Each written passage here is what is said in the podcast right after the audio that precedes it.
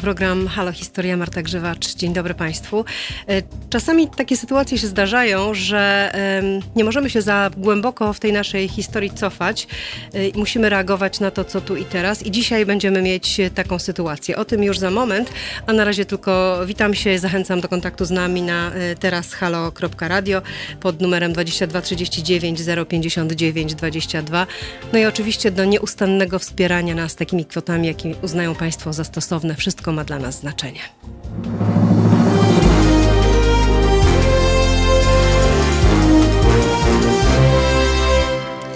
No właśnie, ja myślałam, że my dzisiaj sobie porozmawiamy o książkach, e, o książkach e, historycznych, że będzie bardzo miło, przyjemnie i literacko.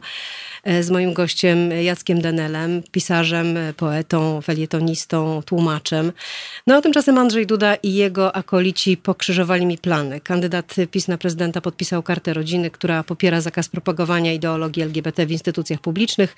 Poseł Brudziński stwierdził, że Polska bez LGBT byłaby najpiękniejsza. Żalek dorzucił, że LGBT to tylko ideologia, a Czarnek, że trzeba skończyć z równością, bo przecież LGBT to nie są normalni ludzie. Dlatego przynajmniej w pierwszej części naszej rozmowy e, chciałabym e, poruszyć kwestię tego, co się w tym momencie dzieje w kraju. My czekamy na połączenie z panem Jackiem Danelem.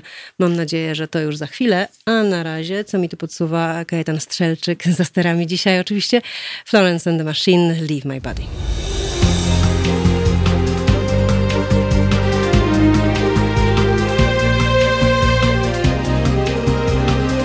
Halo Radio. Ja już tylko przypomnę tym, którzy teraz do nas dołączyli, że naszym gościem jest Jacek Denel, prozaik, pisarz, tłumacz. I zanim porozmawiamy o książkach, bo wciąż na to liczę, y, to chciałabym, żebyśmy poruszyli kwestię tego, co się obecnie dzieje w naszym pięknym kraju. Co się tak nagle stało, że ta kampania homofobiczna nagle przyspieszyła? Jak pan sądzi? Dzień dobry, słyszymy się, prawda? Dzień dobry, słyszymy się. E, e, nic się nie stało, znaczy w sensie to jest, e, to nie jest nic nowego. PiS w zasadzie przed każdymi wyborami sobie wybiera jakiegoś kozła ofiarnego, którym straszy. W 2015 to byli uchodźcy, a potem w 2018 to nie wypaliło i wtedy zaczęła się ta większa nagonka na osoby LGBT. Ale to też nie jest nowe, bo między pierwszą a drugą turą wyborów prezydenckich w 2005 roku pojawił się tajemniczy gay bomber, który podkładał rzekomo atrapy bomb e, w Warszawie. Później tej osoby nigdy nie wyśledzono. Ale wiadomo, że był gejem, tak? Nie wyśledzono jej, ale... On się podpisywał jako silny pedał i to była w ogóle mhm. jakaś taka nieistniejąca organizacja. No bardzo to było grubym nićmi szyte. Um, więc to nie jest żadna nowość. Natomiast faktycznie siła tego ataku e, i to odbieranie osobom LGBT praw człowieka, odmawianie i. Nazwał go pan Blitzkriegiem ten atak. Słuszne tak, no bo to rzeczywiście mhm. Przyspieszyło niesłychanie szybko. Zaczęło się od takiej z pozoru niewinnej rzeczy, jak to podpisanie karty rodziny. No cóż jest złego w tym, że jest rodzina, prawda? Chyba wszyscy się zgodzimy, że rodzina to dobrze. E, jak się oczywiście poskrobie, to, to jest to robione wedle wzorów Ordo Juris i chodzi o taką ustawę w typie putinowskim zakazującą tak zwanej propagandy LGBT w instytucjach publicznych co jest po prostu no, formą cenzury um, i, e, i atakowania społeczności. E, natomiast to potem błyskawicznie przyspieszyło. Tak? To były te zdania Brodzińskiego, że Polska bez LGBT jest najpiękniejsza. Przecież nie, nie, mieści nam się w głowie, żeby ktoś powiedział Polska bez Żydów jest najpiękniejsza, Polska bez czarnych jest najpiękniejsza. To Wciąż jest jeszcze nam się nie mieści, ale kto wie, może już niedługo. No, wiadomo, bo najpierw przychodzą po jednych, później przychodzą po drugich. Co do tego nie mam najmniejszych złudzeń. W każdym razie potem, kiedy już poseł Czarnek pojechał full nacji i powiedział, że, że osoby LGBT nie są równe osoby, ludzi, normalnym tak, ludziom. Zapomnijmy o prawach człowieka, tak? Tak, no y, prawa człowieka. O, czy, nie, czy o równości, tak? Bo to nie są tacy sami ludzie jak inni. Mhm. Tak, ale powiedział też, zapomnijmy, znaczy nie, nie mówmy o prawach człowieka, to nie są ludzie równi normalnym ludziom, tak. co oczywiście można powiedzieć o każdym. Taka była też, też teza nazistowska, prawda? Żydzi nie są równi normalnym ludziom. E, no i tutaj nawet już jego środowisko zaczęło się trochę wycofywać, bo to po prostu źle zabrzmiało. Źle zabrzmiało, e, ale to... Tym, no, mhm. zaczął się ten szerszy, szerszy ruch, tak? To znaczy to trafiło na czołówki gazet w, na całym świecie. A no jednak poza krajami szariatu tego typu sformułowania są no jednoznacznie odbierane negatywnie i E, pan Duda sobie może cokolwiek mówić, że mu to wyciągnięto z kontekstu, ale ten, jak, tak jak powiedziałem, kontekst y, powiedzenia to nie ludzie, to ideologia leży w Auschwitz i inaczej nie będzie. Tak, ale y, też mówi pan, że no, to nie jest poprawne politycznie, żeby w ten sposób mówić y, o ludziach czy o mniejszościach wszelkiego rodzaju. Natomiast to, że w tej chwili oni się zatrzymali, to też jest chyba pewna polityka, prawda? Bo e, sam pan przyznał, że może jeszcze nie teraz, prawda? Może oni za wcześnie wystąpili e, z tymi hasłami. E, no, z, z każdą taką galopującą dyskryminacją tak jest, że ona ma swoją prawdę etapu. Mm, to, to, znamy to z historii, tak? Najpierw trzeba grunt przygotować i no, chciałbym wierzyć, że faktycznie to się rozbiło, tak jak się rozbił ten spot w 2018 roku o uchodźcach, który był tak grubymi nićmi szyty i tak obelżywy i taki pełen fake newsów, że ostatecznie trochę eksplodował w rękach PiSowi. Być może tutaj doszło do tego samego. Być może faktycznie Polacy już są teraz w trochę innym miejscu niż byli 15 lat temu. I widzę to po reakcjach rozmaitych instytucji. Kilka uniwersytetów podpisało taki, opublikowało oświadczenia, że stoją po stronie społeczności LGBT. Polska Akademia Nauk sobie zmieniła y, godło na tęczowe i opublikowała podobne e, oświadczenie. Dzisiaj Uniwersytet ba Warszawski z kolei wystąpił z hasłem, że u nas wszyscy są równowarci. Y, no oczywiście. Y, to znaczy, jak mówię, to jest szersze y, zupełnie, zupełnie proces. No, nawet gra, nawet firma, która produku, produkuje Wiedźmina, prawda, CD Projekt postanowiła zmienić swoje godło natęczowe w takim geście solidarności. To jest jednak rzecz dosyć bezprecedensowa w Polsce, że tak duża część um, społeczeństwa się obudziła i wystąpiła. Facebook jest naprawdę zalany tęczowymi profilówkami e, i być może faktycznie władza tutaj przeholowała. Znaczy sądziła, że ma jeszcze do czynienia z nieco innym e, społeczeństwem. Bardzo bym chciał w to wierzyć faktycznie, że Polacy e, na to się jako społeczeństwo nie godzą. Ale jak będzie w rzeczywistości, no zobaczymy mm, na wyborach, zobaczymy jakie będą dalsze reakcje. Zobaczymy, czy Polska cała będzie strefą wolną od LGBT, czy jednak nie. Widzę, że pan jest jeszcze nieufny jednak, jeśli o to chodzi, prawda? Chociaż ta reakcja może być do pewnego stopnia pocieszająca. Znaczy, ja jestem nieufny, ponieważ yy, żyję w tym społeczeństwie od bardzo dawna i wiem, że podkład homofobii jest ogromny, tak samo jak zresztą podkład ksenofobii, dlatego politycy cynicznie z tego korzystający przecież nie działają w próżni, oni zdają sobie sprawę z tego, że to jest bardzo często skuteczne. Natomiast społeczeństwo obywatelskie i takie samoświadome, no może powiedzieć nie populistom. I to się zdarza i to się zdarzało w różnych krajach. E, więc może w Polsce też jest ten moment, kiedy, e, kiedy społeczeństwo się otrząśnie. E, to, to, nie jest to nie jest wykluczone, dlatego że my wiemy, że ten proces emancypacji osób LGBT w różnych krajach przebiega rozmaicie. Były takie kraje, że to było naprawdę ciułane po troszeczku. Najpierw de, de, dekryminalizacja homoseksualizmu, później po wielu latach jakieś osłony, później związki partnerskie, później po wielu latach małżeństwo. Ale na przykład y, Malta, myk myk, y, zrobiła wszystko w, w zasadzie jedną ustawą. Um, katolicki kraj, prawda, a równocześnie tam doszło do jakiegoś gwałtownego e, przewrotu i y, koncepcyjnego i takiego światopoglądowego. Więc e, ja nie spodziewam się tego w Polsce, ale, ale być może no, faktycznie ten granat im wybuchnie w rękach. Bardzo bym się cieszył. No właśnie, bo zastanawiałam się, co odpowiedziałby mi pan na pytanie, gdybym zapytała, kiedy PiS uzna swoją misję za skończoną, jeśli chodzi o LGBT. Ja prawdę mówiąc nie sądzę, żeby oni mieli misję dotyczącą LGBT. To znaczy, gdyby akurat w tej chwili wyszło w sondażach, że być może lepsze jest zaatakowanie Ukraińców albo znowu uchodźców, albo jakiejś innej grupy, na przykład Żydów, no to też by się za to chwycili. Znaczy, ja tutaj nie mam żadnych złudzeń, jeśli chodzi o etykę tych ludzi, ale ani też o ich takie zaangażowanie emocjonalne. Tam jest na pewno trochę zdeklarowanych homofobów. E, Czarnek jest jednym z nich i wiemy, to nie jest jego pierwszy proces. Znaczy on już miał o to, o to proces, to nie jest pierwszy tego rodzaju konflikt. Ale, ale nie zawsze to jest z takich powodów naprawdę fundamentalistycznych. Czasami to jest po prostu, mam wrażenie, najczęściej zwykła kalkulacja, po prostu kompletnie amoralna. Tylko, że tej e, nienawiści nie sieje już tylko sama partia, ani nawet prosty lud. E, ludzie, byśmy powiedzieli, może bez elementarnej wiedzy czy, czy wykształcenia, ale profesorowie uniwersytetów się do tego przyłączyli. Księża, biskupi, ludzie, którzy wyznaczają trendy. Po co? Po co? Oni nie znaczy, są blisko władzy, prawda? Mówię o tych ludziach, którzy nie są blisko władzy i nie, nie, nie prowadzą osobistych kampanii politycznych.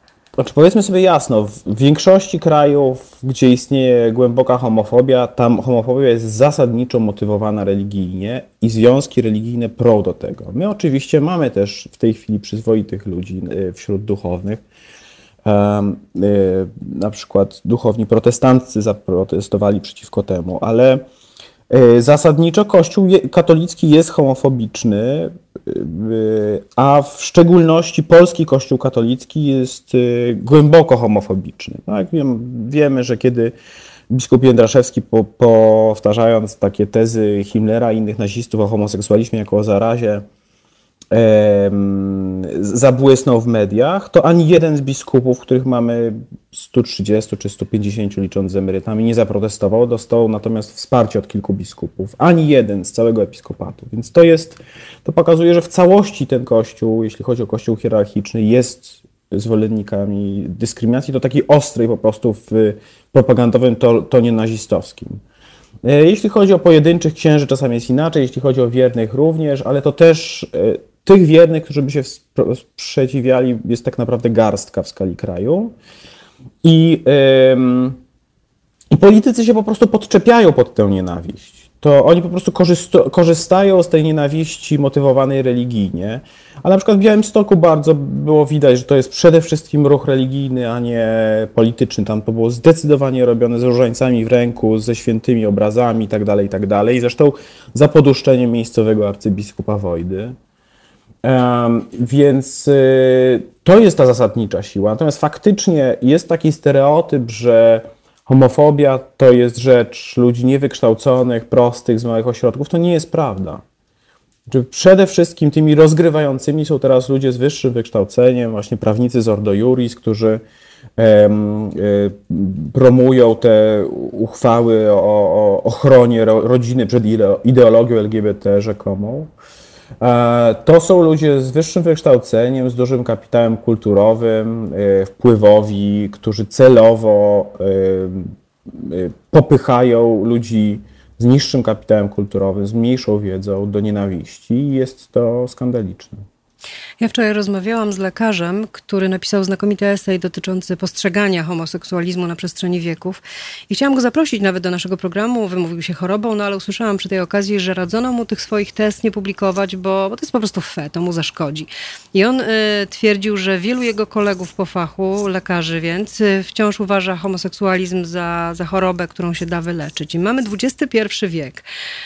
Y, swoją inteligencją właściwie opanowaliśmy niebo i ziemię i dlaczego nie możemy dzięki niej pokonać barier, które nie pozwalają zaakceptować inności. I nie mogą tego zrobić nawet lekarze. Ludzie, którzy wiedzą przecież, jaki jest mechanizm, albo powinni wiedzieć. No, y, wie pani.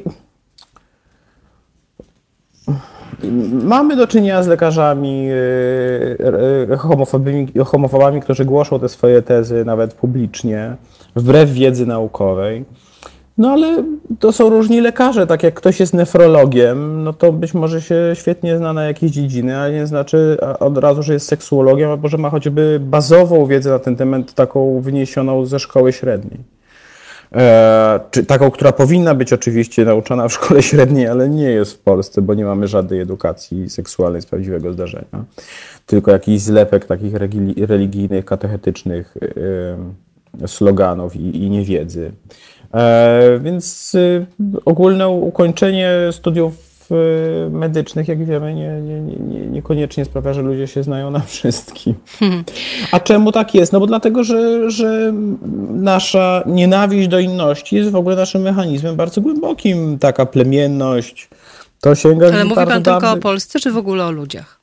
Nie, o naturze ludzkiej. My mamy w sobie coś takiego, że nie lubimy obcego i innego, tylko oczywiście no mamy na przykład coś takiego, że chcielibyśmy dla siebie zagadnąć jak najwięcej, ale kiedy jesteśmy czterolatkami, to nas socjalizują tak, że wiemy, że nie możemy zjeść całej tabliczki czekolady i musimy się no, trochę podzielić. No ale w kwestiach e, inności i akceptacji dla inności ta edukacja y, często szwankuje, zarówno edukacja domowa, jak i edukacja szkolna. I oczywiście są kraje, które sobie z tym lepiej radzą, które mają y, systemy edukacji szczególnie mm, nacechowane, czy tak, tak zbudowane, że tę inność pozwalają y, akceptować i uczą, jak, to, jak, jak sobie z tym radzić, bo to często jest trudny proces. A, i, i, to nie jest tak, że nam przychodzi w sposób naturalny. W sposób naturalny nam raczej przychodzi nienawiść wobec innego. Um, nie ma no, są takie mhm. kraje, które to zaniedbują albo wręcz y, krzewią nienawiść. No akurat ten katechetyczny system edukacji seksualnej krzewi nienawiść, nie wiedzę. Ja przyznam szczerze, że w ciągu ostatnich lat ten temat jakoś tak przycichł, a może po prostu rzeczywiście nie, no nie działo się to, co, co, co, się dzieje w tej chwili i tak wydawało mi się, że idzie, idzie ku lepszemu, że jesteśmy na coraz lepszej drodze, no ale się okazuje, że chyba jednak nie. Znaczy, że wystarczyło no, tylko te... trochę poskrobać, żeby to towarzystwo znowu e, zagrzać do walki. E, temat tyle przycił, że on może był mniej obecny w, e, w dyskursie mhm. publicznym. Mm -hmm. Natomiast mm-hmm. nie przyciw w tym sensie, że dalej mamy systemową dyskryminację osób LGBT, które nie są chronione przed mową nienawiści, które nie mają prawa do małżeństwa, do, do ochrony rodziny itd., tak itd. Tak Więc po prostu mamy około dwóch milionów obywateli, którzy są obywatelami, obywatelami gorszej y, próby czy, czy mniejszych praw. No trochę tak jest jak w, w USA w czasie segregacji, prawda? Po prostu możemy powiedzieć, że w jakichś tam latach temat przyciuchł, bo, bo biali o tym nie chcieli słyszeć, mhm. ani o tym nie chcieli myśleć. A ja sądzę, że dla każdego przyzwoitego obywatela to, że część jego obywateli jest pozbawiona praw, jest y, czymś bulwersującym i powinno być bulwersujące. Natomiast faktem jest, że przez te kilkadziesiąt lat od 89 roku, to są ponad trzy dekady, zmienił się stosunek społeczeństwa do osób LGBT. Większość społeczeństwa jest za legalizacją związków partnerskich. Nie mieliśmy wcześniej takich wyników, a wśród młodych y, to jest 68%. Więc y, bardzo wysoki procent. Większość społeczeństwa jest również za legalizacją małżeństw zawartych poza Polską. E, co jest dziwną konstrukcją taką myślową, ale okej, okay, tak? Y, to pokazuje, że tak naprawdę to jest jakieś myślenie magiczne, tak? Że to małżeństwo, niech ono już tam będzie, niech te dwie lesbijki sobie wezmą ten ślub w mhm. Kopenhadze, a później przyjadą i Polska będzie u, u, uznawała to, ale byle się to nie działo na polskiej ziemi. No właśnie, ale Polska, ale Polska tego nie uznaje, więc e, też e, stąd moje pytanie, bo pan dokonał dwóch takich symbolicznych aktów. Jeden to był właśnie ślub z Piotrem Tarczyńskim, wzięliście go e, w Wielkiej Brytanii, a drugi to był akt apostazji. Czy one miały jakieś znaczenie symboliczne tylko dla pana, czy też głębsze? No, rozumiem, że w przypadku ślubu, no, tu, bo tutaj akurat nie macie żadnych praw, prawda, jako małżeństwo w Polsce. Więc e, czy no to nie, była tylko symbolika? Nie, nie, wbrew temu, co niektórzy mędrcy internetowi twierdzą, nie jest prawdą, że w Polsce wszystko można sobie załatwić ustawą. Ustawą można sobie, za, y, przepraszam, umową notarialną. Umową sobie można załatwić pewne rzeczy, niewielkie, tak, które nie rozwiązują absolutnie problemów na przykład osób, które, nie wiem, jest para, w której jedna osoba jest Ukraińcem, a druga Polakiem, albo kobiety, które chcą, y, żeby ich dziecko miało polski dowód y, osobisty, albo y, kwestie wszystkie dotyczące decydowania o pogrzebie czy dziedziczeniu decyzji na przykład, o dziedziczeniu, decyzji o uporczywej terapii i tak dalej, i tak dalej. Wszystkie te takie zasadnicze kwestie dla wielu małżeństw, y, no oczywiście tam oczywiście wysokość spadku i tak dalej, i tak dalej. E, wszystko to jest zupełnie otwarte. Żadna umowa notarialna niczego takiego nie zmienia. E, więc my z Piotrem zawaliśmy ślub. E, w tych krajach, gdzie są tylko związki partnerskie, jesteśmy w związku partnerskim. W tych krajach, jak teraz, kiedy jesteśmy w Berlinie, w Niemczech jesteśmy małżeństwem. Tam gdzie, są, tam, gdzie małżeństwa jednopłciowe są uznawane. W Polsce jesteśmy nadal obcymi osobami, w związku z tym można powiedzieć, że ilekroć przekraczamy granicę polsko-niemiecką, to zmieniamy stan cywilny. Przykro. Przykre, ale to taki kraj. E, I takie społeczeństwo, któremu to najwyraźniej nie przeszkadza. A apostazja? Bo tutaj już właściwie to można wstawiać wyłącznie na symbolikę, prawda? Sprzeciwiam się, nie chcę przynależeć. Um, no więc y, ja w ogóle nie, nie, czułem się nigdy za bardzo członkiem Kościoła katolickiego. Zostałem ochrzczony, ale bez mojej wiedzy. Później chodziłem do kościoła, bo musiałem ale to nie była moja decyzja i kiedy tylko mogłem przestać, to przestałem. Więc nie, nie, mógłbym równie dobrze zignorować całą tę kościelną zabawę w dokumenty, bo uważam, że to, że ktoś nade mną zrobił jakieś magiczne gesty, kiedy byłem a niemowlęciem, nie zaciąga żadnego skutku, tak? Jakbym ja pani zrobił za plecami jakiś rytuał i w związku z tym uznał, że pani mm należy do mojego klubu E, konsumentów wiśni, no to mógłbym sobie tak uważać. Tak? Nie, ja bym niestety... należała, bardzo chętnie lubię wiśnie. No niestety klub konsumentów wiśni ma nieco inne uprawnienia w prawie polskim niż Kościół katolicki. No I tu jest cały szereg spraw, pra, prawda, trzymanie tych dokumentów zupełnie niezgodnie z zasadami y, RODO i tak dalej, i tak dalej.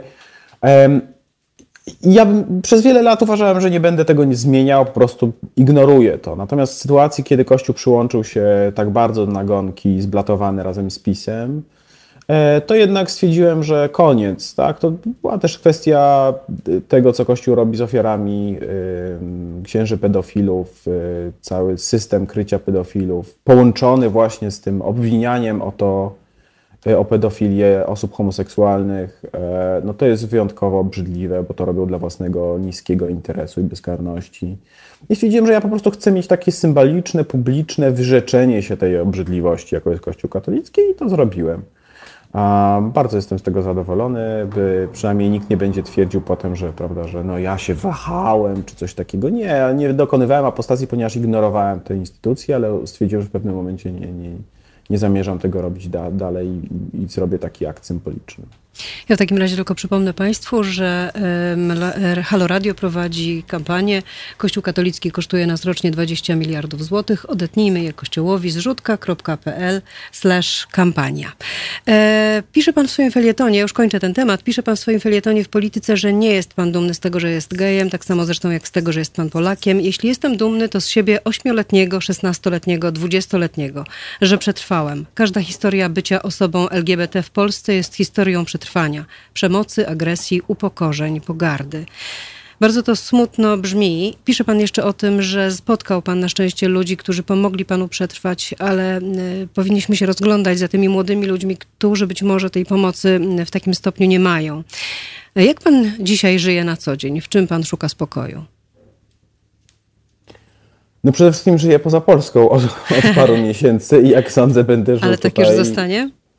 Będę tu na pewno do, przez rok. E, przyjechaliśmy tutaj z moim mężem i e, no a potem zobaczymy, tak? No bardzo dużo zależy od tego, jak ta sytuacja będzie się w Polsce rozwijała. Na razie jesteśmy tutaj na stypendium, ale, ale niewykluczone, że zostaniemy dłużej. Ja lubię Warszawę, lubię mieszkać w Warszawie, lubię mieszkać w Polsce też. E, to jest miejsce, które uważam za swoje i bez względu na to, że chętnie wyjeżdżam na takie pobyty stypendialne, ale to zawsze były pobyty krótkie, miesięczne, dwumiesięczne, dopiero ostatnio zacząłem jeździć na dłuższe. E, I właśnie z tego powodu, że czuję się w Polsce nie, niezbyt bezpiecznie, no, mówiąc ogólnie. Um, więc y, no, w czym ja znajduję spokój? No właśnie nie bardzo znajduję spokój. Znaczy ostatni czas nie jest czasem spokoju. I to po pierwsze ze względu na pandemię i ze względu na to, że to nas wszystkich stresuje, ze względu na to, że nie wiadomo co będzie dalej, że będzie kryzys. Będzie ten kryzys wywołany przez pandemię, ale w najbliższym czasie lub nieco dalszym będzie kryzys związany przez katastrofę klimatyczną.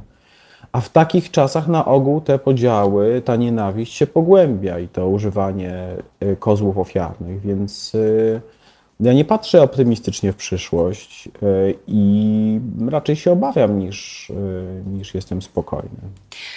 Tu przerywamy na momencik. Proszę nas jeszcze nie opuszczać. Przejdziemy do książek, a na moment, za moment Moloko i Sing It Back.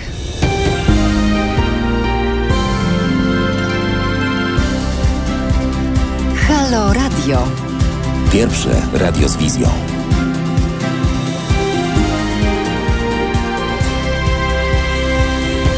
Tutaj mam pytanie od słuchacza. E, pisze pan Monster Maciek. E, czy Halo Radio jest medium obywatelskim i słuchają e, go wszyscy, czy tylko skrajna lewica? Ale widzę, że pan Gebe mnie wręczył i napisał, że słuchają ci co chcą słuchać. I dokładnie tak jest. Ci, którzy nas teraz słuchają, tylko przypominam tym z Państwa, że naszym gościem jest pan Jacek Denel, znany pisarz, poeta i tłumacz, który wspólnie ze swoim mężem Piotrem Tarczyńskim, tłumaczem, historykiem i amerykanistą, postanowili jakiś czas temu napisać kryminał retro, kryminał z przymrużeniem oka, którego akcję osadzili w Krakowie pod koniec XIX wieku. Kryminał nosił tytuł Tajemnica domu Helclów, później powstała kolejna książka z tego cyklu, Rozdarta zasłona i seans w domu egipskim. Na razie są trzy, tak? Chyba, że w e, planach jest czwarty. Jest, czwarty tom już jest ukończony. Złoty Róg, jak sama nazwa wskazuje, toczy się na weselu w Bronowicach.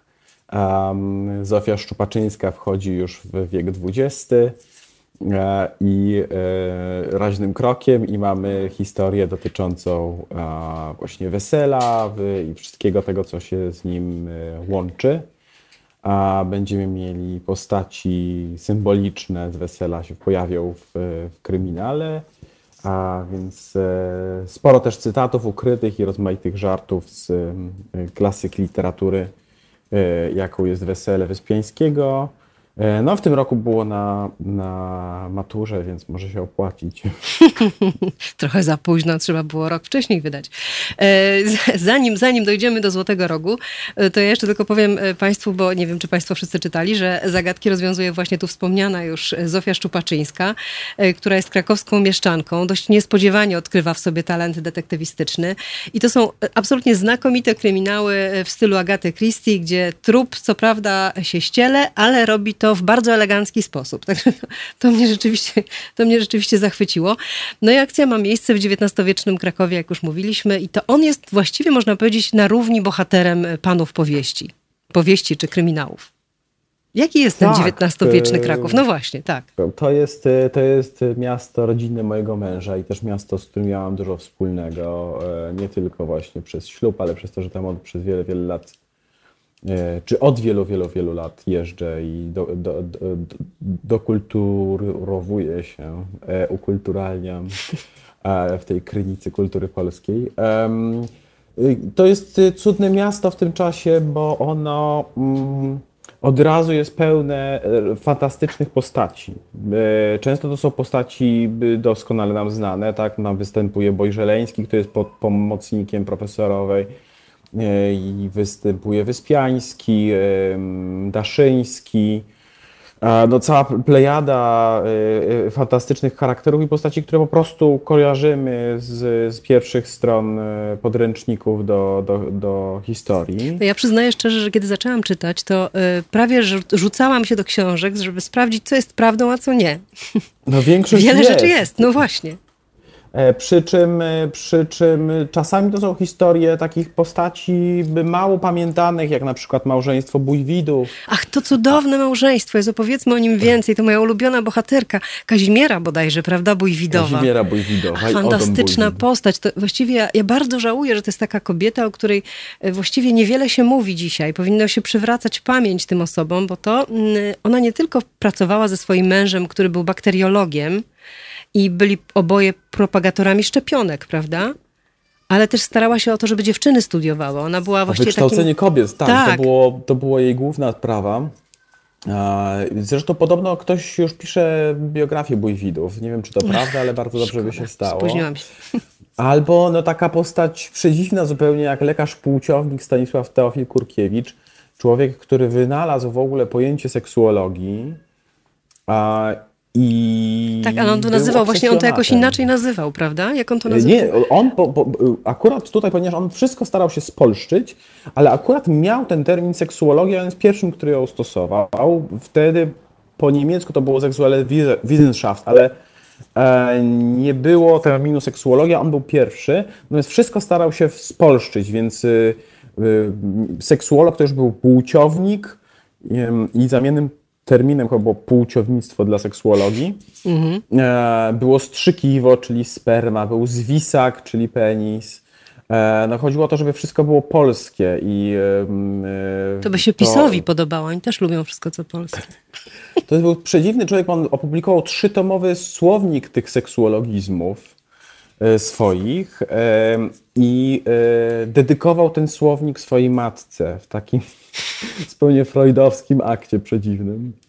E, postać, która zainspirowała e, Boja do stworzenia e, felietonu o, o tak zwanych krukiewach, czyli tych terminach, które wprowadzał. No, zupełnie niezwykły człowiek, groteskowy i śmieszny, ale równocześnie jakoś to bardzo interesujący. I, I, takich postaci szukamy. Czy Leon Brand, który, jak to mówimy, był Hiobem sutenerstwa krakowskiego, ponieważ był to właściciel domu publicznego, który się procesował ze wszystkim wokół, żeby pozwolono ten dom publiczny prowadzić i, e, i w związku z tym wysyłał szereg przezabawnych listów do, do policji, lamentując na swój ciężki los. Jeszcze zmuszał te prostytutki, żeby, żeby pisały listy w, w swoim imieniu, że tutaj pan Brand jest taki dobry, że one nie muszą stać na ulicy, tylko mają swój lokal. E, więc te, też wyciągamy takie postaci zupełnie zapomniane, ale równocześnie bardzo ciekawe. No właśnie, jeszcze ci bójwidowie, tylko chciałam powiedzieć to też tak trochę na czasie, że oni byli właśnie propagatorami szczepionek, prawda? Ona pracowała razem z mężem i już wtedy właśnie stawiano na to, prawda? Czyli to był XIX wiek, a dzisiaj, prawda, cofamy się do średniowiecza chyba z tymi szczepionkami. Także prosimy, żeby Państwo brali przykład z Państwa bójwidów z XIX-wiecznego Krakowa. No właśnie, jaki był ten Kraków? Może jeszcze, jeszcze parę słów o tym. Bo on był, wydaje no mi się, dość zaściankowy, był... prawda? Jednak taki jak ta Polska nawet dzisiaj trochę jest momentami. Przede wszystkim on był mały. Ten Kraków liczył 70 tysięcy ludzi. To było małe miasteczko, a równocześnie pełne y, sław, ciekawych postaci, y, ścierających się stronnic. Oczywiście był bardzo konserwatywny. Y, oczywiście był ksenofobiczny. Y, był strasznie zakompleksiony, dlatego że ze względu na y, koleje losu historyczne to Lwów został stolicą Galicji, a później, kiedy Kraków z Rzeczpospolitą Krakowską został wcielony, no to yy, Lwów tą stolicą pozostał. W związku z tym, jakkolwiek miał znacznie mniejszą pozycję wcześniej historycznie, no to w Galicji grał pierwsze skrzypce i to było zawsze powód różnych uszczypliwości w Krakowie. No ale też był scenerią zupełnie niesamowitych rzeczy artystycznych, prądów intelektualnych. I właśnie tam ta nowoczesność zapukała do bram Polski, właśnie w tym takim zapyziałym Krakówku, tradycyjnym, konserwatywnym, w tym Krakówku pani Dulskiej pojawiła się Młoda Polska, pojawił się Przybyszewski, e, pojawiły się te y, prądy ze zgniłego zachodu, które ostatecznie odmieniły oblicze Polski. A jak się w tym wszystkim znajduje pani profesorowa Szczupaczyńska? Powiedzmy o niej trochę, bo to jest y, postać oczywiście fikcyjna, no ale stworzyliście ją po mistrzowsku. Przezabawna, śmieszna momentami, trochę żałosna, nieznosząca bójwidowej, która ma wielki rozmach i działa w różnych charytatywnych instytucjach. Szczupaczyńska ze swoją taką małą miasteczkowością zupełnie do niej nie pasuje, a jednak musi się z nią jakoś w towarzystwie odnajdywać. No Zofia z jednej strony się czuje tam jak ryba w wodzie, ponieważ ona zna wszystkich i ma swoje sposobiki towarzyskie na, na uzyskiwanie różnych rzeczy. Jest też bardzo inteligentna, więc umie ludzi sobie omotać wokół palca co jej pomaga w śledztwach. Z drugiej strony oczywiście jest przeciwniczką wszelkiego postępu i przemian oficjalnie, bo ona jest oficjalnie bardzo konserwatywna, ale kiedy przychodzi co do czego, no to potrafi posunąć się bardzo daleko e, przeciwko tym zasadom konserwatywnym, jeśli tylko ma do wytropienia przestępcę. Um, I ostatecznie w jej domu to ona wszystkim rządzi, to ona jest głową rodziny, a oficjalnie oczywiście Ignacy, profesor uniwersytetu, ale Ignacy ona pomiata jak chce i z nim, z jego zdaniem się w ogóle nie liczy. No Ignacy, pan profesor robi wrażenie. No więc właśnie, tym, pan, pan, profesor robi wrażenie takiego nierozgarniętego troszeczkę. Ona go tam oszukuje, prawda? No, Nikt tak. nie mówi mu, co robi w ciągu dnia, mimo że on tam nalega momentami. No, taki jest trochę pod jej rzeczywiście pantoflem. No jest safandułą, tak, ale też no, Zofia dzięki temu może rozwinąć swoje skrzydła. A, bo gdyby było inaczej, to by ją tam, zważywszy epokę, przydusił, a tak się nie stało i E, i Zofia rozkwita w kolejnych śledztwach. No ale oczywiście ona oficjalnie ma znacznie bardziej konserwatywne poglądy i będzie naturalnie zmieniać powoli, wolniej niż e, progresywni. No ale taki jest, taki jest jej charakter. E, a niezależnie od tego, oczywiście, jak są jakieś sprawy praktyczne i musi coś załatwić w śledztwach, no to tam już stawia na skuteczność i niekoniecznie jej przesądy jej w tym przeszkadzają. Mhm. Jak długo zamierzacie prowadzić tę postać? Do którego no momentu no jej życia? No bo ona jest stosunkowo bo... młoda, prawda? Jest jakaś, ma około 40 lat, Zofia Szczupaczyńska. W pierwszym tomie miała 38, czyli była młodsza niż ja teraz. E, chcielibyśmy ją doprowadzić do 47-48 roku, kiedy jako 93-latka będzie umierała w domu Helstów, czyli tam, Ach, gdzie rozpoczynała klamra, swoją tak? przygodę. Mm. Klamra, tak, ale też przejście przez ileś epok w Krakowa, tak? To znaczy najpierw ten tradycyjny Kraków XIX-wieczny, później Młoda Polska, potem Kraków okresu I wojny światowej, Kraków międzywojnia, Kraków II wojny i wreszcie e, no, te początki komunizmu w Polsce. Mm, ale to jest, y, to jest na lata. Myśmy policzyli, że nam na dekadę życia Zofii przypadają mniej więcej cztery tomy, e, co oznacza, że tych tomów, jeśli dobrze pamiętam, byłoby 22. Wow. I przy naszym tempie pisania, kiedy skończymy to już będziecie w wieku Zofii. Tomowy, będziemy po 60. Obaj będziemy po 60. No ale idzie, idzie e, wam więc, nieźle. Więc raczej tak nie będzie. Nie sądzę, żebyśmy napisali 20 tomów, e, ale myślę, że, że na, na parę jeszcze na pewno pomysł mamy. Jak to jest y, pisać razem jedną rzecz? To znaczy, jak to wygląda no, logistycznie? Czy pan pisze fragment, mąż pisze drugi kawałek, czy raczej ktoś robi kwerendę, a ktoś ustawia sceny? Jak to jest? E, no najpierw jest zawsze tak, że Piotr wymyśla, y, moment historyczny znajduje. Aha, to znaczy w moment... się dzieje w Krakowie Aha. coś ciekawego. Rozumiem. Bo tam zawsze jest coś interesującego, czyli na przykład pogrzeb Matejki, mhm. y, wizyta Najjaśniejszego Pana, przyjazd y, Przybyszewskiego i zaćmienie I Księżyca. Mhm. I tak dalej, i tak dalej. Zawsze jest taki, takie wydarzenie, które się z czymś in, zresztą wiąże w jakiś sposób i, i z intrygą. No, wesele Wyspiańskiego oczywiście jest kolejnym, kolejnym prawda, e, tematem, czy wesele Rydla dokładnie, wesele mm -hmm. Wyspiańskiego. E, natomiast e, potem wymyślamy intrygę, która w jakiś sposób musi być z tym związana i szukamy jakichś rzeczy, które będą nam do tego pasowały. I jakiegoś też tematu wiodącego. No, w pierwszym tomie to mamy odwołanie do wcześniejszej historii Galicji, E, to ono jest tym motorem, też walka klas. W drugim Bo to jest dom Helclów, jest... przypomnijmy, że to jest dom opieki wówczas, prawda? Jeden e, tak, dopiero... domu Helclów mhm. była, nadal jest z nim zresztą. E, w drugim tomie w rozdartej zasłonie to jest kwestia praw kobiet i prostytucji w XIX wieku. trzeci tom, czyli Seans w domu egipskim, mhm to tam jest spirytyzm i, i młoda Polska, tak? Znaczy dekadentyzm jako rodzący się prąd, y, anarchizm idący gdzieś tam równolegle z tym. A, a czwarty tom no to jest y, wesele, czyli z jednej strony mezalians między klasami społecznymi, a z drugiej strony no to czym jest wesele, czyli sprawa polska tak zwana.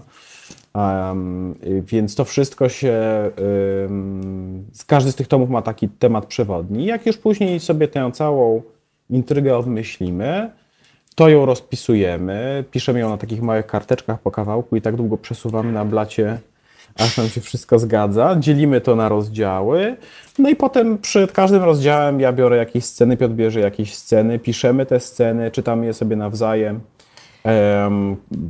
Piotr przeważnie coś mi skreśla, ja przeważnie mu coś dopisuję i, i przeważnie to ja lepiej z tego w całości rozdział. To przeważnie jest tak, że, że się da po prostu połączyć te pliki.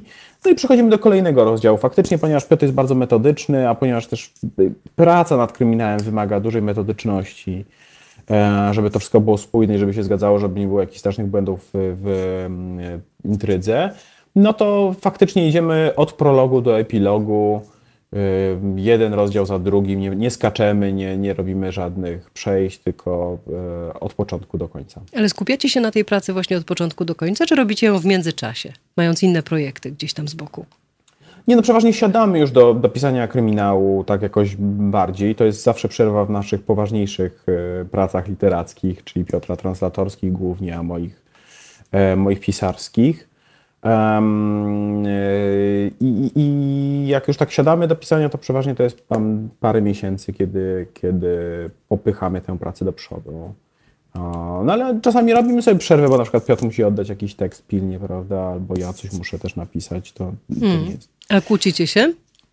Czy... E, mniej niż podejrzewaliśmy tak naprawdę. Znaczy zgod, zgodniejsi jesteśmy. Jak sobie już ten modus operandi ustaliliśmy, to jest, to jest lepiej. No i też ta, ta praca jest y, różnorodna w tym sensie, że Piotr robi w zasadzie całość kwerendy, ja robię bardzo niewielką część, a ja piszę nieco więcej. Czyli pan ja redaguje piszę... właściwie, tak?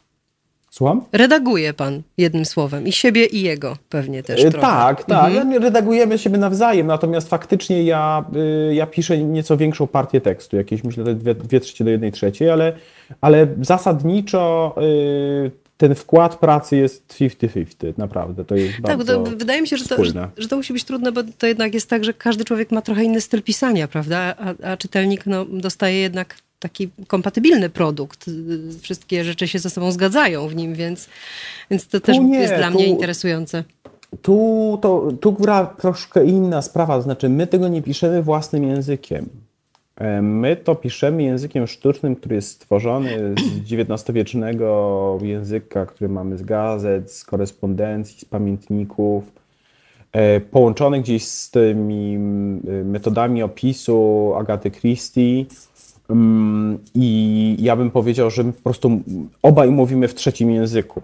I dlatego to jest spójne do tego stopnia, że my na przykład nie jesteśmy w stanie y, już w tej chwili powiedzieć, gdzie w pierwszych dwóch tomach, co który z nas napisał. Jakieś pojedyncze sceny pamiętamy, ale um, w, tej, w tym ostatnim tomie może byśmy byli w stanie podzielić, które akapity są Piotra, które moje, ale też z, z dużą, myślę, poziomem pomyłkowości. Natomiast w starszych książkach w ogóle po prostu to jest zewnętrzny język wobec naszego i dlatego to jest potem spójne.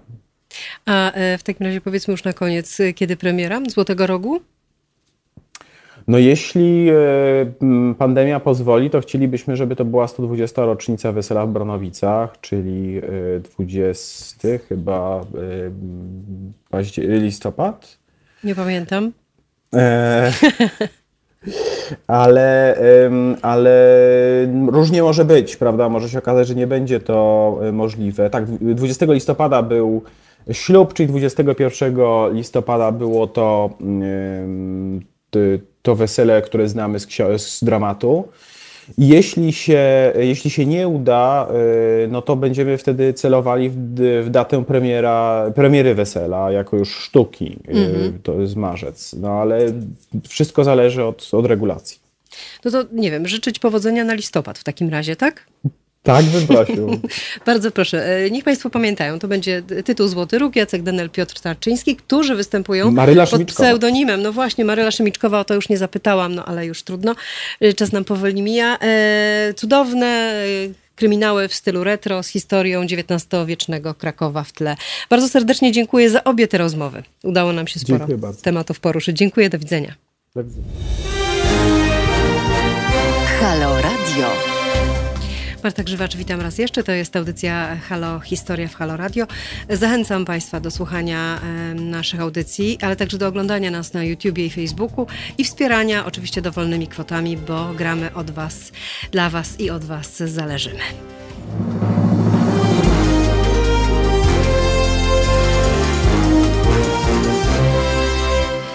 Wypowiedzi prezydenta Andrzeja Dudy i jego akolitów hejtujących społeczność LGBT okazały się pierwszym tematem ostatnich dni, więc wychodząc z założenia, że to ważny dla nas temat, na drugą część rozmowy w audycji Halo Historia zaprosiłam profesora Pawła Leszkowicza, historyka sztuki z Uniwersytetu Adama Mickiewicza w Poznaniu, żebyśmy przez chwilę porozmawiali o postrzeganiu społeczności LGBT na przestrzeni wieków. Dzień dobry, panie profesorze. Dzień dobry, witam. Dziękuję pani redaktor za zaproszenie. Witam państwa.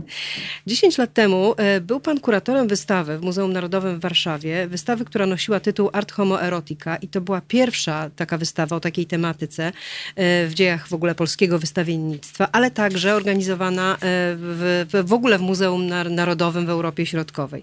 I jakim cudem właściwie udało się wam wówczas tę wystawę zorganizować?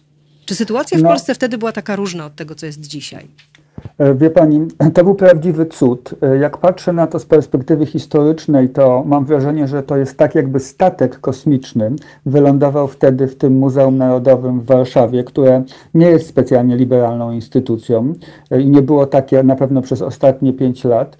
Natomiast wtedy, w 2010 roku, miała miejsce zupełnie bezprecedensowa wystawa, która ukazywała homoerotyczną kobiecą i męską tradycję w całej historii sztuki na podstawie podstawie kolekcji tego Muzeum Narodowego, która jest olbrzymia i zestawiała tą homoerotyczną tradycję ze współczesną sztuką LGBT z Europy Środkowo-Wschodniej.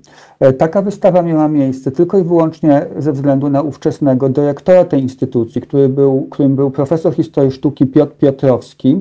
E, I jego koncepcja muzeum była zupełnie odmienna od większości koncepcji muzeów w naszym kraju, szczególnie muzeum narodowych.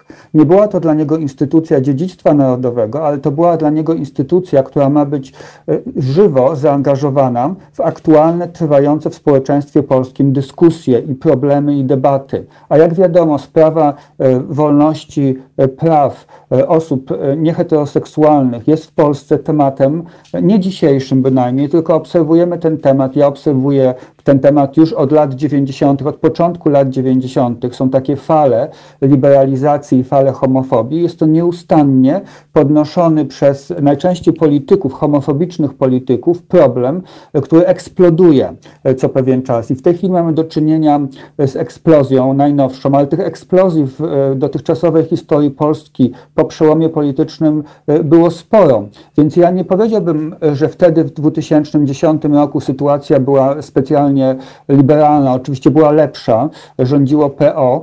Homofobia nie była e, tak e, oficjalnym politycznym programem, jak jest zarządów PiSu, ale ciągle była obecna spora ilość homofobicznych polityków i hierarchów Kościoła, która się wypowiadała przeciwko prawom LGBT, wypowiadała się również przeciwko tej wystawie, żądając, żeby do tej wystawy nigdy nie doszło.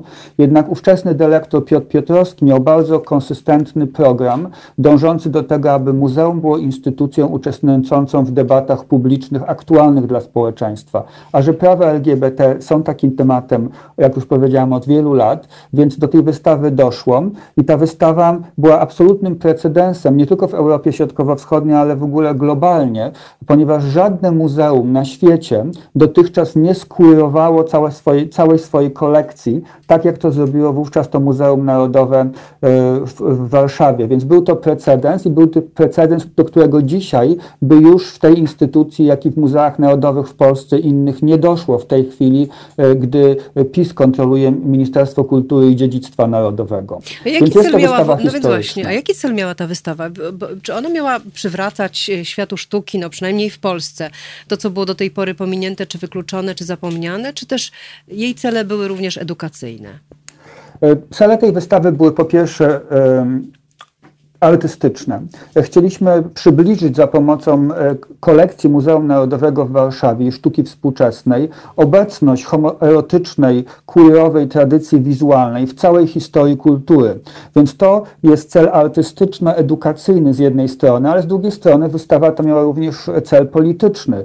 Była formą manifestacji tego typu estetyki, tego typu form tożsamości e, w kulturze i we współczesności, a więc cel był podwójny. Cel był polityczny i i cel był artystyczno-edukacyjny. Ta wystawa była takim, do pewnego stopnia można ją nazwać takim performancem artystyczno-politycznym ze względu na jej unikalny, chociaż trwający ponad dwa miesiące charakter. Więc ekspozycja ta łączyła w sobie wiele celów artystycznych, edukacyjnych i społecznych. A kogo tym zgorszyliście? Czy były tam treści, które mogły gorszyć w ogóle?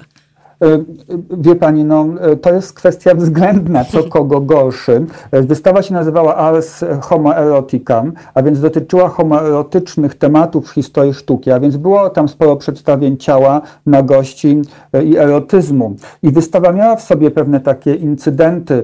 Była na przykład na tej ekspozycji seria zdjęć, taka, taka forma gejowskiej kamasutry, wykonanej przez węgierskiego artysty, artystę i, i jedna z osób, która zwiedzała tą wystawę, była tak tą pracą oburzona, że zniszczyła tą pracę i wyniosła kilka tych fotografii poza Muzeum e, Narodowe.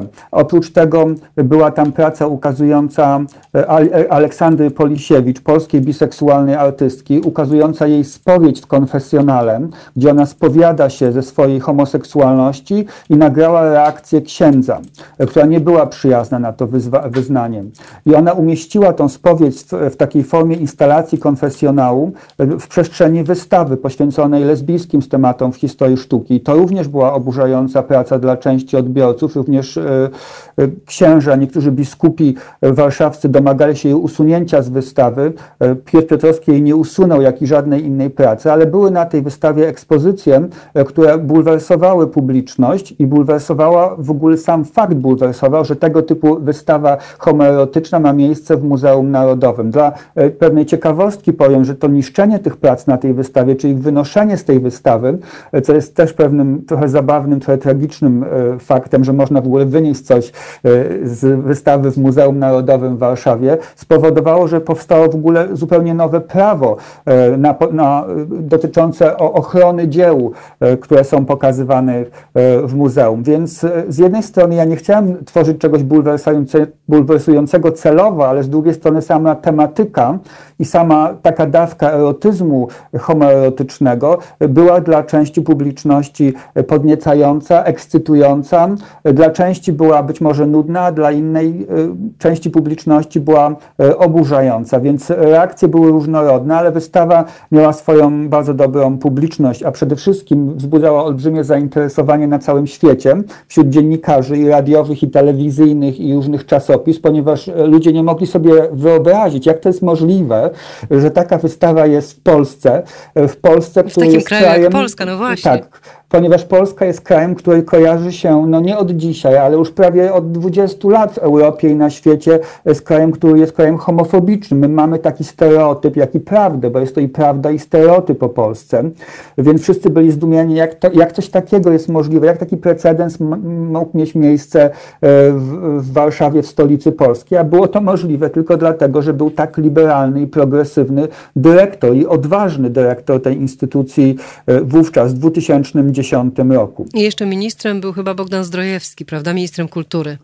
E, tak, ja pamiętam, ja oprowadzałem e, pana ministra po tej e, ekspozycji i minister podjął wówczas decyzję, ponieważ byli, PiS już istniał oczywiście jako partia i był wtedy w opozycji, politycy PiSu protestowali przeciwko tej wystawie, natomiast minister podjął wówczas taką decyzję, że ta wystawa się odbędzie z tego powodu, że on nie chce interweniować w program ekspozycji, które ustala mianowany przez niego dyrektor. Ale ta wystawa nie mogła mogłaby się odbyć dzisiaj. Jest to e, fakt, nie jest to moja tutaj projekcja, ponieważ pamiętamy, że w ubiegłym roku nawet feministyczne prace były usuwane z kolekcji e, Muzeum Narodowego w Warszawie, ze stałej kolekcji sztuki nowoczesnej, więc Muzeum Narodowe w Warszawie poszło w kierunku e, nie poszerzania wolności ekspozycji i różnorodności ekspozycji, ale poszło w stronę cenzury, jak i wiele innych muzeów w naszym kraju. No więc właśnie, tymczasem dzieci w konfesjonałach albo w innych miejscach pyta się,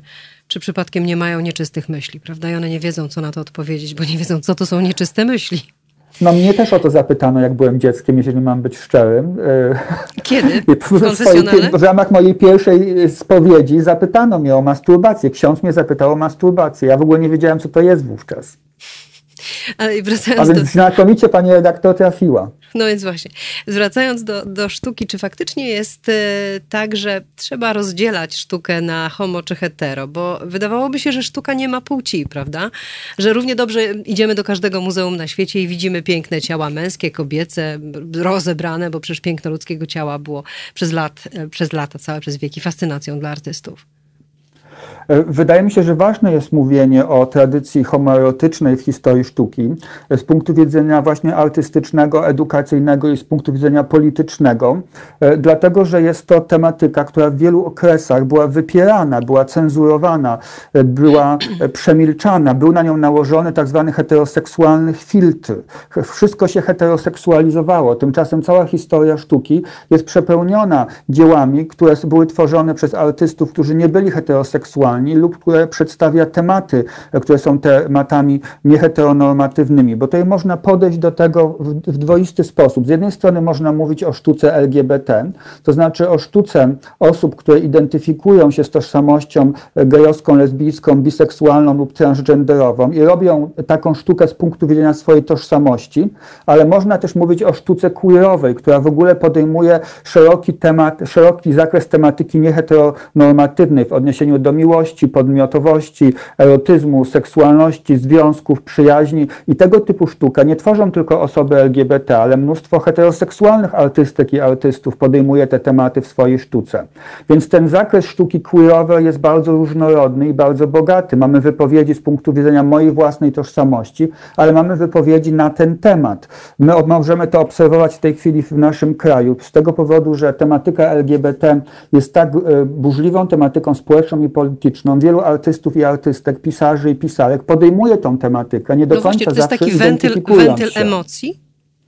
No jest to i emocji, i, i fantazji erotycznych, ale również prawo do wolności wypowiedzi, do podejmowania e, tematu, który jest aktualnym tematem społecznym i, i osobistym. Mm, cofnijmy się e, parę wieków, e, panie profesorze. Kiedy właściwie możemy mówić o sztuce pokazującej stosunki homoseksualne? Czy to już była starożytna Grecja, czy, czy czy wcześniej Na pewno to nawet? była nawet sztuka prehistoryczna, ale ja na tej wystawie Ars Homoerotica miałem dostęp do sztuki antycznej, do sztuki greckiej i rzymskiej i dużo tego typu sztuki antycznej e, pokazałem w zestawieniu ze sztuką współczesną. Otóż mi się wydaje, że e, takim naj, najbardziej oczywistym źródłem w historii europejskiej jest mitologia grecka. E, musimy pamiętać, że wszystkie postacie najważniejszych bogów i bohaterów greckiej i rzymskiej mitologii to były w większości postacie biseksualne.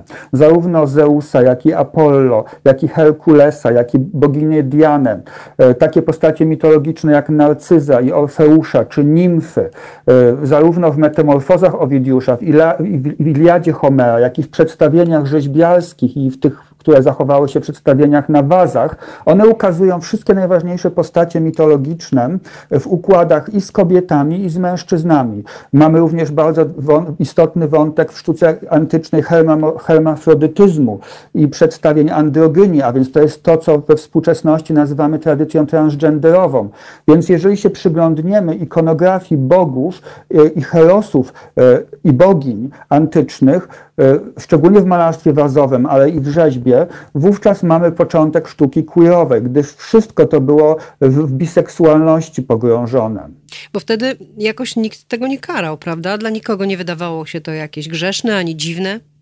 No, był to, y, było to częścią obyczaju. Tak, było to częścią y, obyczaju w takim stopniu, jakim to jest częścią obyczaju dzisiaj y, w krajach, gdzie nie ma tak silnej homofobii jak w Polsce. Dlatego jest wiele książek i wiele opracowań fascynujących, mówiących o tym, jak my powracamy do antyku, jak na przykład rzymska jest współczesność, czy jak grecka jest współczesność, jak aktualne jak fascynujące pozostają te eksploracje erotyczne, miłosne, te gry o władzę, które my znamy z mitologii, jak łatwo można je przełożyć na współczesność. Ale ja bym tutaj też trochę przestrzegał przed tą e, taką fetyszyzacją antyku, bo pamiętajmy, że grecka demokracja nie należała do kobiet, tylko należała do wolnych mężczyzn i opierała się na e, niewolnictwie i wykluczeniu kobiet z rządów. Była tylko przeznaczona dla wolnych obywateli. Więc Grecja i antyk nie jest tym źródłem, gdzie ja bym poszukiwał jakiegoś wyzwolenia, czy jakiejś, e, jakiś rodzaj lekarstwa na współczesność, współczesne fobie, ale jeżeli chodzi o sztukę, to właśnie tamta olbrzymia bogactwo biseksualne i transgenderowe to jest początek współczesnej sztuki queerowej. A był taki okres w historii, gdzie poszukiwałby Pan ewentualnie wyzwolenia i przykładów? Mi się wydaje, że tutaj trzeba się jednak już przenieść w XX wiek. E, bardzo interesującym okresem była Republika Weimarska. W okres dwudziestolecia międzywojennego. straszne. E, Tam to, to było i poróbstwo, proszę pana. Co też pan mówi? E, no był to taki okres, kiedy po raz pierwszy rozwijały się w Europie ruch emancypacji e, homoseksualnej. Magnus Hirschfeld, e, który jest e, bardzo ważnym seksuologiem, badaczem, e, seksologiem, jak to się wówczas nazywano, niemieckim. On od końca XIX wieku działał w Berlinie, założył swój instytut. Z jednej strony Instytut Humanitarnych Przemian, ponieważ chodziło o dekryminalizację homoseksuali homoseksualizmu w Niemczech, ale z drugiej strony Instytut Badań nad Seksualnością. I ten instytut został zniszczony w 1934 roku przez nazistów, ale przez około 20 lat działał i był to początek i ruchu emancypacji i studiów nad seksualnością, jak i kolekcjonowania sztuki, która dotyczy tematów queerowych. Wiele z tych rzeczy nie przetrwało, bo jak powiedziałem, zostało zniszczone przez nazistów, ale tam bym poszukiwał takich europejskich początków, e, takiego ruchu emancypacyjnego i LGBT sztuki. Drugim takim okresem są niewątpliwie koniec lat 60. i lata 70. w Europie Zachodniej i w Stanach Zjednoczonych. Ten cały ruch przemian obyczajowych, który rozpoczął się e, po Stonewall, e, po rewolucji Stonewall w Nowym Jorku w 1969 roku i od tego okresu bardzo bujnie rozwijała się sztuka tworzona właśnie z perspektywy tożsamości lesbijskiej lub tożsamości gejowskiej, gdzie artyści e, podejmowali takie tematy w sposób otwarty, artystycznie i jednocześnie politycznie. E, oczywiście renesans e, jest takim okresem również twórczość Michała Anioła, twórczość Botticelliego, e, twórczość Donatella. Ta cała tradycja związana z homoerotycznym aktem męskim, ona została ukształtowana w renesansie. Ale z drugiej strony pamiętajmy, że są to okresy, kiedy ciągle kryminalizowano homoseksualność. Tak było w Republice Weimarskiej, tak było w renesansowych Włoszech, czyli ta emancypacja prawna idzie zupełnie inną drogą od emancypacji kulturowej. I to można obserwować zresztą we współczesnej Polsce. Polska jest najbardziej zacofanym krajem w Unii Europejskiej, jeżeli chodzi o prawa LGBT, a jednocześnie jednym z najbardziej fascynujących krajów, jeżeli chodzi o kulturę queerową, ponieważ tego, tema, tego typu tematów w literaturze, w sztuce, w teatrze, szczególnie w sztukach wizualnych i w teatrze jest mnóstwo. Ja uważam, że 50, 60 nawet procent najlepszej polskiej sztuki to jest sztuka queerowa, i co jest fascynujące, to pomimo tej opresji prawnej i politycznej, w jakiej żyjemy, ta sztuka, ona jest bardzo obecna. Ja przypomnę e, o takich miejscach, jak na przykład Muzeum Sztuki Nowoczesnej w Warszawie, w którym w ubiegłym roku miało, rewelacyjną retrospektywę polskiego artysty Daniela Rychalskiego, e, który podejmuje tematy e, zetknięcia homoseksualności z tematyką religijną. Była to świetna wystawa w Muzeum Sztuki Nowoczesnej w Warszawie. Mamy Karola Rodziszewskiego, który jest artystą z Warszawy, który realizuje od wielu lat swój projekt archiwów queerowych, homoerotycznych archiwów w polskiej kulturze i historii. Ostatnio miał wystawę w Centrum Sztuki Współczesnej w Warszawie. Mamy wreszcie e, artystkę, e, która się identyfikuje z tożsamością lesbijską, Lilianę Piskorską, wielokrotnie wyróżniano między innymi przez Zachętę ostatnio, która robi pracę na temat politycznej i prawnej opresji, e, która dotyka osoby LGBT w Polsce. Polsce, więc dzieje się niesamowicie wiele, mimo że prawnie jesteśmy tak zacofani, to w kulturze jesteśmy bardzo rozbuchani. Mhm. Panie profesorze, a czy to chrześcijaństwo y, było właściwie tą, tą ideologią odpowiedzialną za penalizację homoseksualności? Um i tak, i nie. Z jednej strony od średniowiecza, od XII wieku, od XII-XIII wieku obserwujemy w chrześcijańskiej, średniowiecznej Europie e, wprowadzanie tych e, prawnych e, zapisów, które kryminalizowały sodomię. Ale z drugiej strony na, ta kryminalizacja nasilała się też również w XIX wieku i to były różne statuty prawne i to w Rosji, jak i w Wielkiej Brytanii, jak i w Prusach, które były wprowadzane przez władców świata świeckich, a więc ta kryminalizacja jest z jednej strony dziedzictwem nie tylko chrześcijaństwa, ale jest przede wszystkim również dziedzictwem takich XIX-wiecznych, nacjonalistycznych formuł władzy rządowej, ponieważ no, carsk, carskim dekretem czy cesarskim dekretem kryminalizowano, czy, czy królowej Wiktorii dekretem kryminalizowano homoseksualność w XIX wieku. A więc te siły represji prawnych, one podążały i drogami religijnymi, ale też drogami prawa świeckiego.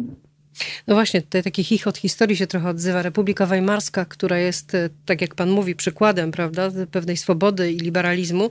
Nagle I badań nad seksualnością. I badań, nagle się okazuje w rękach nazistów po prostu jedną wielką katastrofą, jeśli chodzi o społeczność LGBT, bo przecież pamiętajmy o tym, że mężczyzn, bo kobiety traktowano trochę łagodniej, ale mężczyzn zamykano w obozach koncentracyjnych, oni tam nosili różowe trójkąty.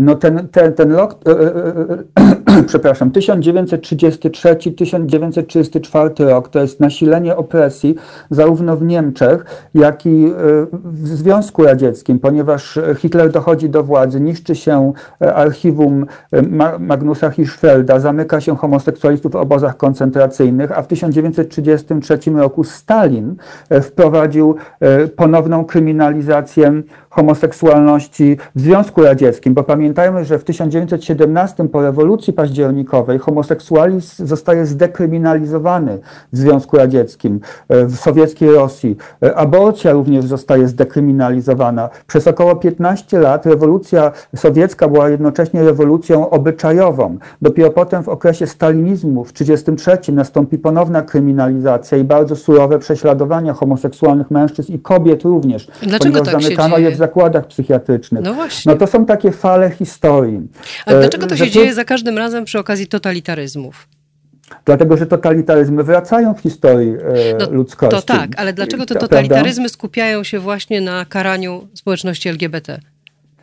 Y, Dlaczego Dlatego, że one ograniczają wolność indywidualną. One ograniczają wolność totalitaryzmu. Jednym z cechów charakterystycznych reżimów totalitarnych jest ograniczenie wolności. A czym, cóż jest bardziej y, taką esencją wolności niż nasze życie prywatne, nasze życie intymne? Więc każdy system totalitarny usiłuje kontrolować życie intymne swoich obywateli, kontrolować ciało. To jest taki rodzaj biowładzy, ponieważ musimy zacząć od kontroli ciała, żeby można było kontrolować inne poziomy życia społecznego.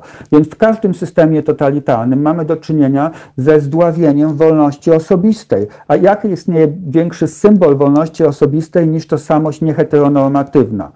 Jest to jak gdyby najbardziej rewolucyjna forma wolności osobistej. Więc to jest charakterystyczne dla wszystkich systemów e, totalitarnych, ta, to prześladowanie osób, e, które są nieheteronormatywne. Ale te, te fale również są fascynujące, ponieważ e, nawet na przykładzie ostatniej historii Polski możemy obserwować, że były takie czasami pięć lat bardziej liberalnych, gdy mniej homofobii było w dyskursie społecznym, a potem znowu powraca ta fala homofobiczna, jak na przykład w ciągu ostatnich pięć lat za rządów PiSu. Nawet w latach 90., jeżeli się prześledzi tą historię seksualności, to tuż przez, po przełomie politycznym 1989 roku, e, pierwsze lata, pierwsze pięć lat to były wielkie lata euforii związane z powstawaniem organizacji LGBT w Polsce, związane z e, powstawaniem bardzo dużej ilości sztuki i kultury LGBT w Polsce. I potem 93 rok, kryminalizacja aborcji i coraz większe wpływy fundamentalistów religijnych na y, politykę powstanie ZHN-u na przykład i to w jaki sposób ZHN, ta partia polityczna wówczas e, cenzurowała sztukę, która była obyczajowo dla nich nieprawidłowa. Tak samo w Związku Radzieckim, gdy w 1993 roku zdekryminalizowano tą sowiecką kryminalizację e, seksualności, pierwsze, początek lat 90., lata 90. w Związku Radzieckim, to jest wielki też wybuch e, kultury queerowej, organizacji, czasopis, taki o, o, o moment optymizmu, że powstaje zupełnie nowa sfera wolności. Potem Putin dochodzi do władzy w 2000 roku i coraz gorzej nasilenie opresji, nasilenie opresji. W końcu w 2013 wprowadzenie tej ustawy zakazującej propagandę związków e, i e, nieheteroseksualnych, nietradycyjnych związków seksualnych, coś co usiłuje w tej chwili prezydent Duda wprowadzić w Polsce. Więc e, bardzo ważne jest, żeby obserwować te okresy represji i okresy liberalizacji, no właśnie, bo one też... cały, w historii człowieka cały czas występują. I ja to u, identyfikuję we współczesności z taką ciągłą potrzebą walki o demokrację, prawda, że demokracja nie jest nigdy systemem, który jest nam dany. Ciągle musimy y, prowadzić kampanię obrony demokracji, coś, co się dzieje w tej chwili w Polsce. Ja też się zastanawiam, dlaczego ten rozwój, również rozwój naszego myślenia o inności nie może być takim rozwojem linearnym, tylko on wiecznie zatacza koła bo życie nie jest doskonałe. Dlatego, e, no wie pani, tak samo jak w życiu ludzkim mamy okresy gorsze i lepsze, mamy okresy zdrowia i mamy okresy choroby, są okresy życia i okresy śmierci. Wszystko jest pewną cyrkulacją. Ja wiem, że to brzmi bardzo metafizycznie, ale mi jest bardzo ciężko znaleźć odpowiedź na to pytanie, dlaczego te fale represji, one ciągle powracają. Wydaje się, że osiągnięto już pewien stopień demokratyzacji, pewien stopień wolności i nagle to jest odbierane.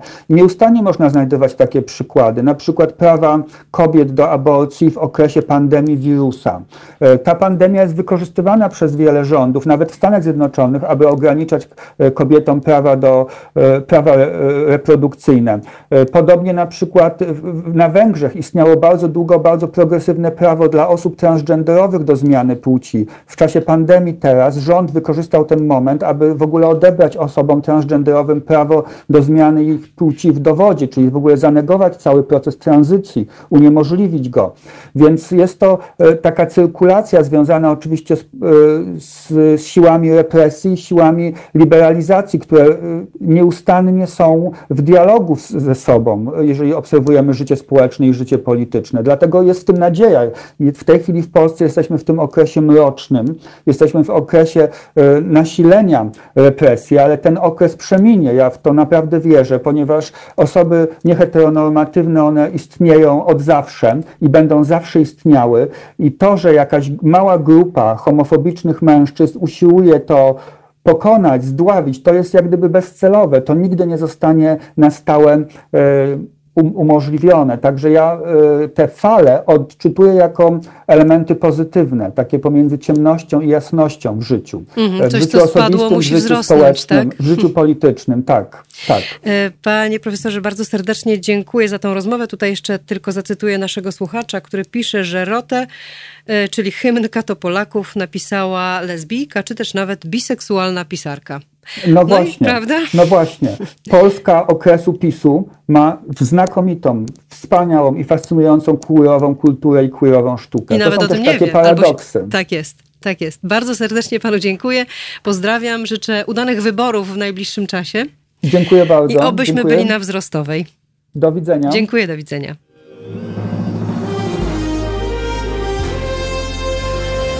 To proste. Żeby robić medium prawdziwie obywatelskie, potrzebujemy Państwa stałego wsparcia finansowego.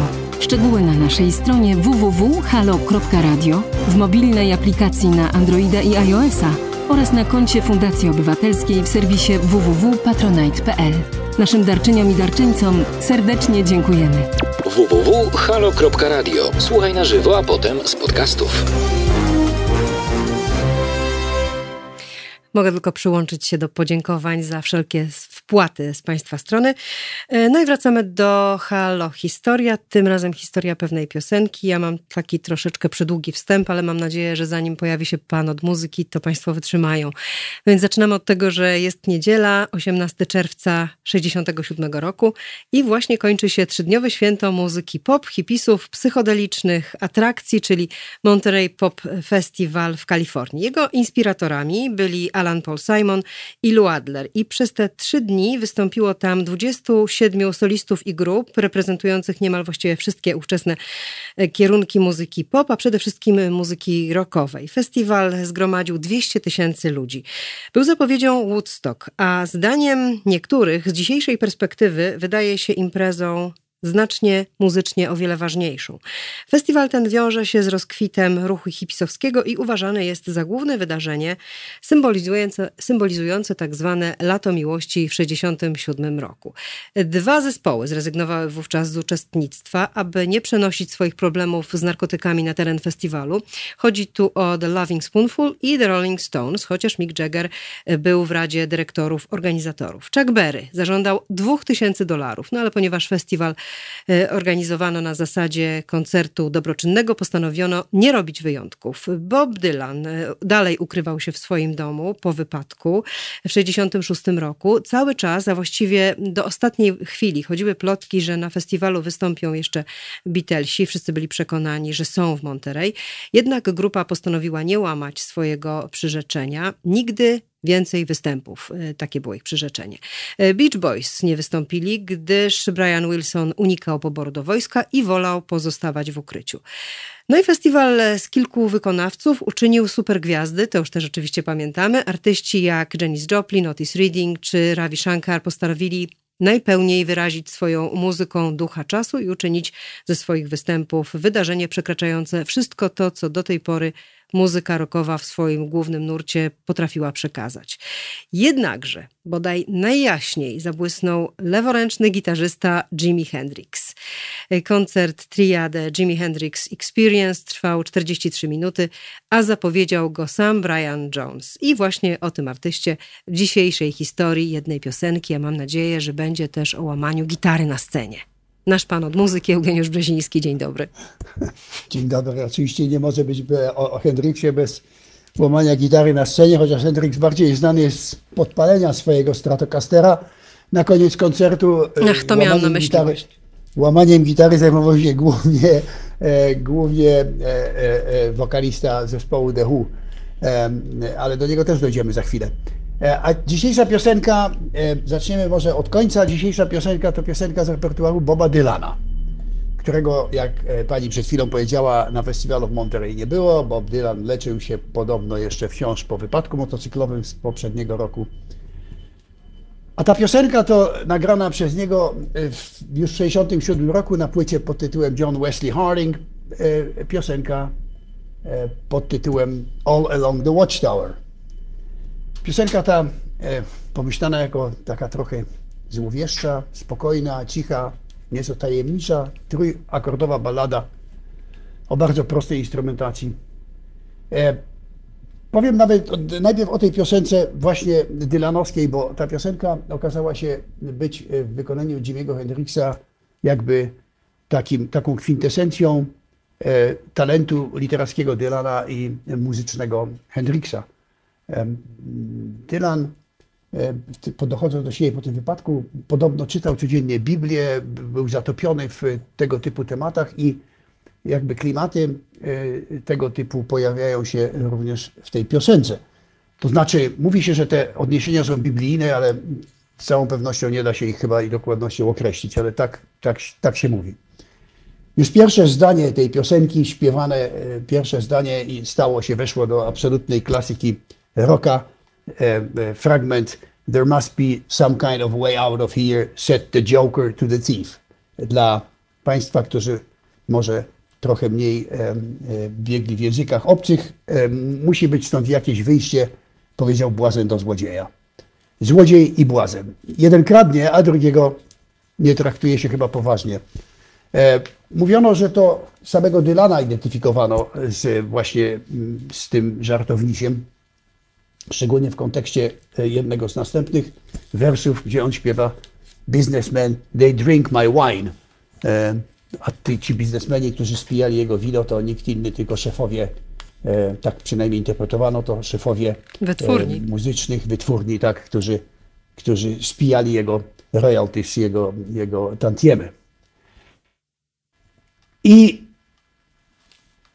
tak jak mówię, każdy wers tej piosence ma jakieś swoje symboliczne znaczenie i podlega jakiejś interpretacji, y, ale tak między wierszami wyczuwa się, że ci dwaj, czyli ten, ten, ten, ten, ten, ten błazen i ten, ten, ten złodziej coś kombinują. Złodziej w pewnym momencie mówi, wielu z nas uważa, że życie jest tylko zwykłym żartem, czas się zwijać, bo robi się późno. Ten słynny zwrot, the hour's getting late. A w ostatniej zwrotce jeszcze jakiś księcia, którzy obserwują ze swojej wieży, właśnie z tej tytułowej Watchtower, obserwują kobiety i swoich, i swoich służących. Wieża podobno e, tego typu strażnica wieża jest e, w Biblii symbolem e, samego Boga. Więc tutaj może te, te analogie biblijne skończymy i przejdziemy do naszego bohatera dzisiejszego, dzisiejszego programu, mianowicie do samego Jimiego. który płyta Dylana ukazała się w grudniu 67 roku, a już w styczniu 68 wziął ją na warsztat Jimmy Hendrix. Co nie znaczy, że powstała z niej, y, ten znany nam utwór powstał szybko, bo Jimi Hendrix przerabiał go w nieskończoność, y, nic mu nie pasowało, nagrywał ją dosłownie dziesiątki razy ku rozpaczy producenta, y, który, jednego, który go opuścił, potem drugiego, również muzyków sesyjnych, którzy z nim nagrywali tę płytę. Basista odszedł, potem wrócił, potem kiedy wrócił się okazało, że sam Jimi Hendrix już nagrał partię basową, więc w ogóle był cyrk na kółkach z całą tą zresztą płytą e, Electric Ladyland z albumem, który ukazał się w końcu roku.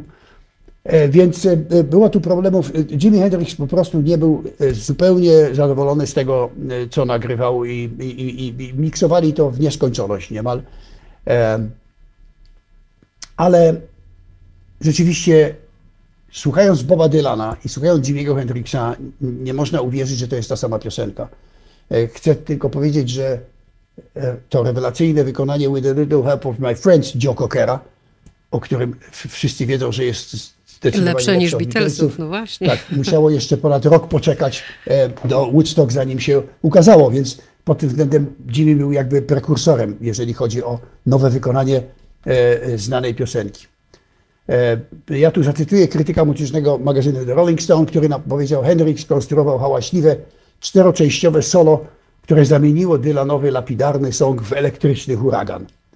Przejście następowało we fragmencie tekstu, w którym The wind began to howl, czyli wiatr zaczął wyć. Również zmienił tonację z A-moll na cis-moll, e, to tak dla tych, którzy się znają na muzyce. I w ten sposób powstał zupełnie nowy utwór. I proszę sobie wyobrazić, że Dylanowi ta wersja Hendrixa się tak spodobała, kiedy ją usłyszał. Był zachwycony tym, co on zrobił. Powiedział, że e, Hendrix odkrył pokłady, których nikt inny by się tam nigdy nie dokopał, włączając to samego Dylana.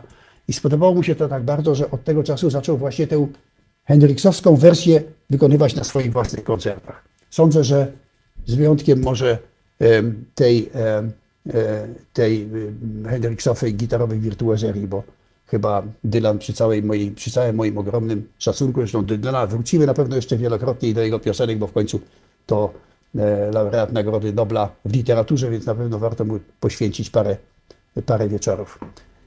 E, tak czy inaczej, ta piosenka stała się, e, będąc jedynym singlem z albumu Electric Ladyland, e, który był już trzecim albumem Hendrixa, stała się jedyną piosenką za jego życia, która osiągnęła top 20 Billboardu, a sam e, album był jedynym, który osiągnął e, najwyższe notowanie na tej liście Billboardu.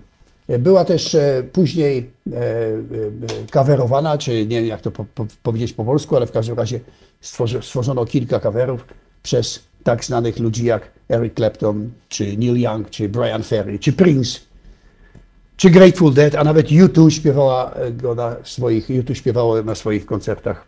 Również stała się częścią filmu Forrest Gump, gdzie tam występuje w pewnym wietnamskim fragmencie. Rozumiem, że prezentujemy e... dzisiaj piosenkę Jimiego. Wersję. Jimiego, tak. o może tak. Tak, oczywiście prezentujemy dzisiaj wersję Jimiego, bo przecież to z tym nawiązaliśmy do tego Monterey, więc e, jak najbardziej E, będzie to, to e, wersja Jimiego. Ja bym jeszcze może dodał tutaj e, takie ciekaw, taką ciekawostkę, że właśnie Pete Townsend z zespołu The Who, lider zespołu The Who, który w 1968 roku usłyszawszy, czy siódmym, przepraszam, siódmym roku usłyszawszy Jimmy Hendrix, Jimmy'ego Hendrixa w Londynie, bo on, mimo że Amerykanin, to tam właśnie zaczął swoją karierę, jak go usłyszał, to powiedział, że Jimmy zmienił całkowicie E, dźwięk elektrycznej gitary i cały rock and roll postawił na głowie. A do tego Eric Clapton, który również go widział na żywo, powiedział, po tym jak Pete Townshend i ja zobaczyliśmy go grającego, pomyślałem, że właściwie gra się dla nas skończyła, że równie dobrze możemy spakować nasze gitary do walizek i dać sobie spokój z graniem. Więc to chyba najlepiej oddaje, jakim Gitarzystą był Jimi Hendrix, uznawany powszechnie za jednego z największych w historii muzyki rocka. Niestety dwa lata później e, już nie żył podczas festiwalu na, e, na wyspie, jakiej było, tej wyspie na, na wyspie Wright. E, I e, tak się skończyła jego wielka kariera, ale jego płyty odnajdują się do dzisiaj i do dzisiaj wychodzą. Posłuchajmy dzisiaj fantastycznej wersji utworu Boba Dylana w wykonaniu Jimmy'ego Hendrixa All Along the Watchtower. A ja dziękuję bardzo. Ja również bardzo Trochę- serdecznie dziękuję. E, Trochę się rozgadałem dzisiaj. Nie, nie, nie szkodzi, bo tutaj słuchacze piszą jeszcze, piszą na przykład, że e, dzisiaj są rodziny Kaczyńskiego, ja nie wiem, czy to prawda, e, ale wobec tego ktoś chce wypić właśnie z tej okazji za Hendrixa, ktoś inny chce Kaczyńskiemu dedykować piosenkę Hendrixa, z czym ja się pozwalam sobie nie zgodzić. Szkoda takiej piosenki dobrej. E, I dziękuję w takim razie Państwu za uwagę. E, Ale pan- może ta wieża, może ta wieża strażnica będzie, jak, strażnicza będzie jakąś taką... All Along the Watchtower. All Along the Watchtowers 2. Po prostu tam dwie, dwie wieże były, dwie wieże, przypominam panu. Dziękuję bardzo serdecznie. Zapraszam e, za tydzień. Z państwem również, mam nadzieję, słyszę się i widzę za tydzień. I wszystkiego dobrego w takim razie.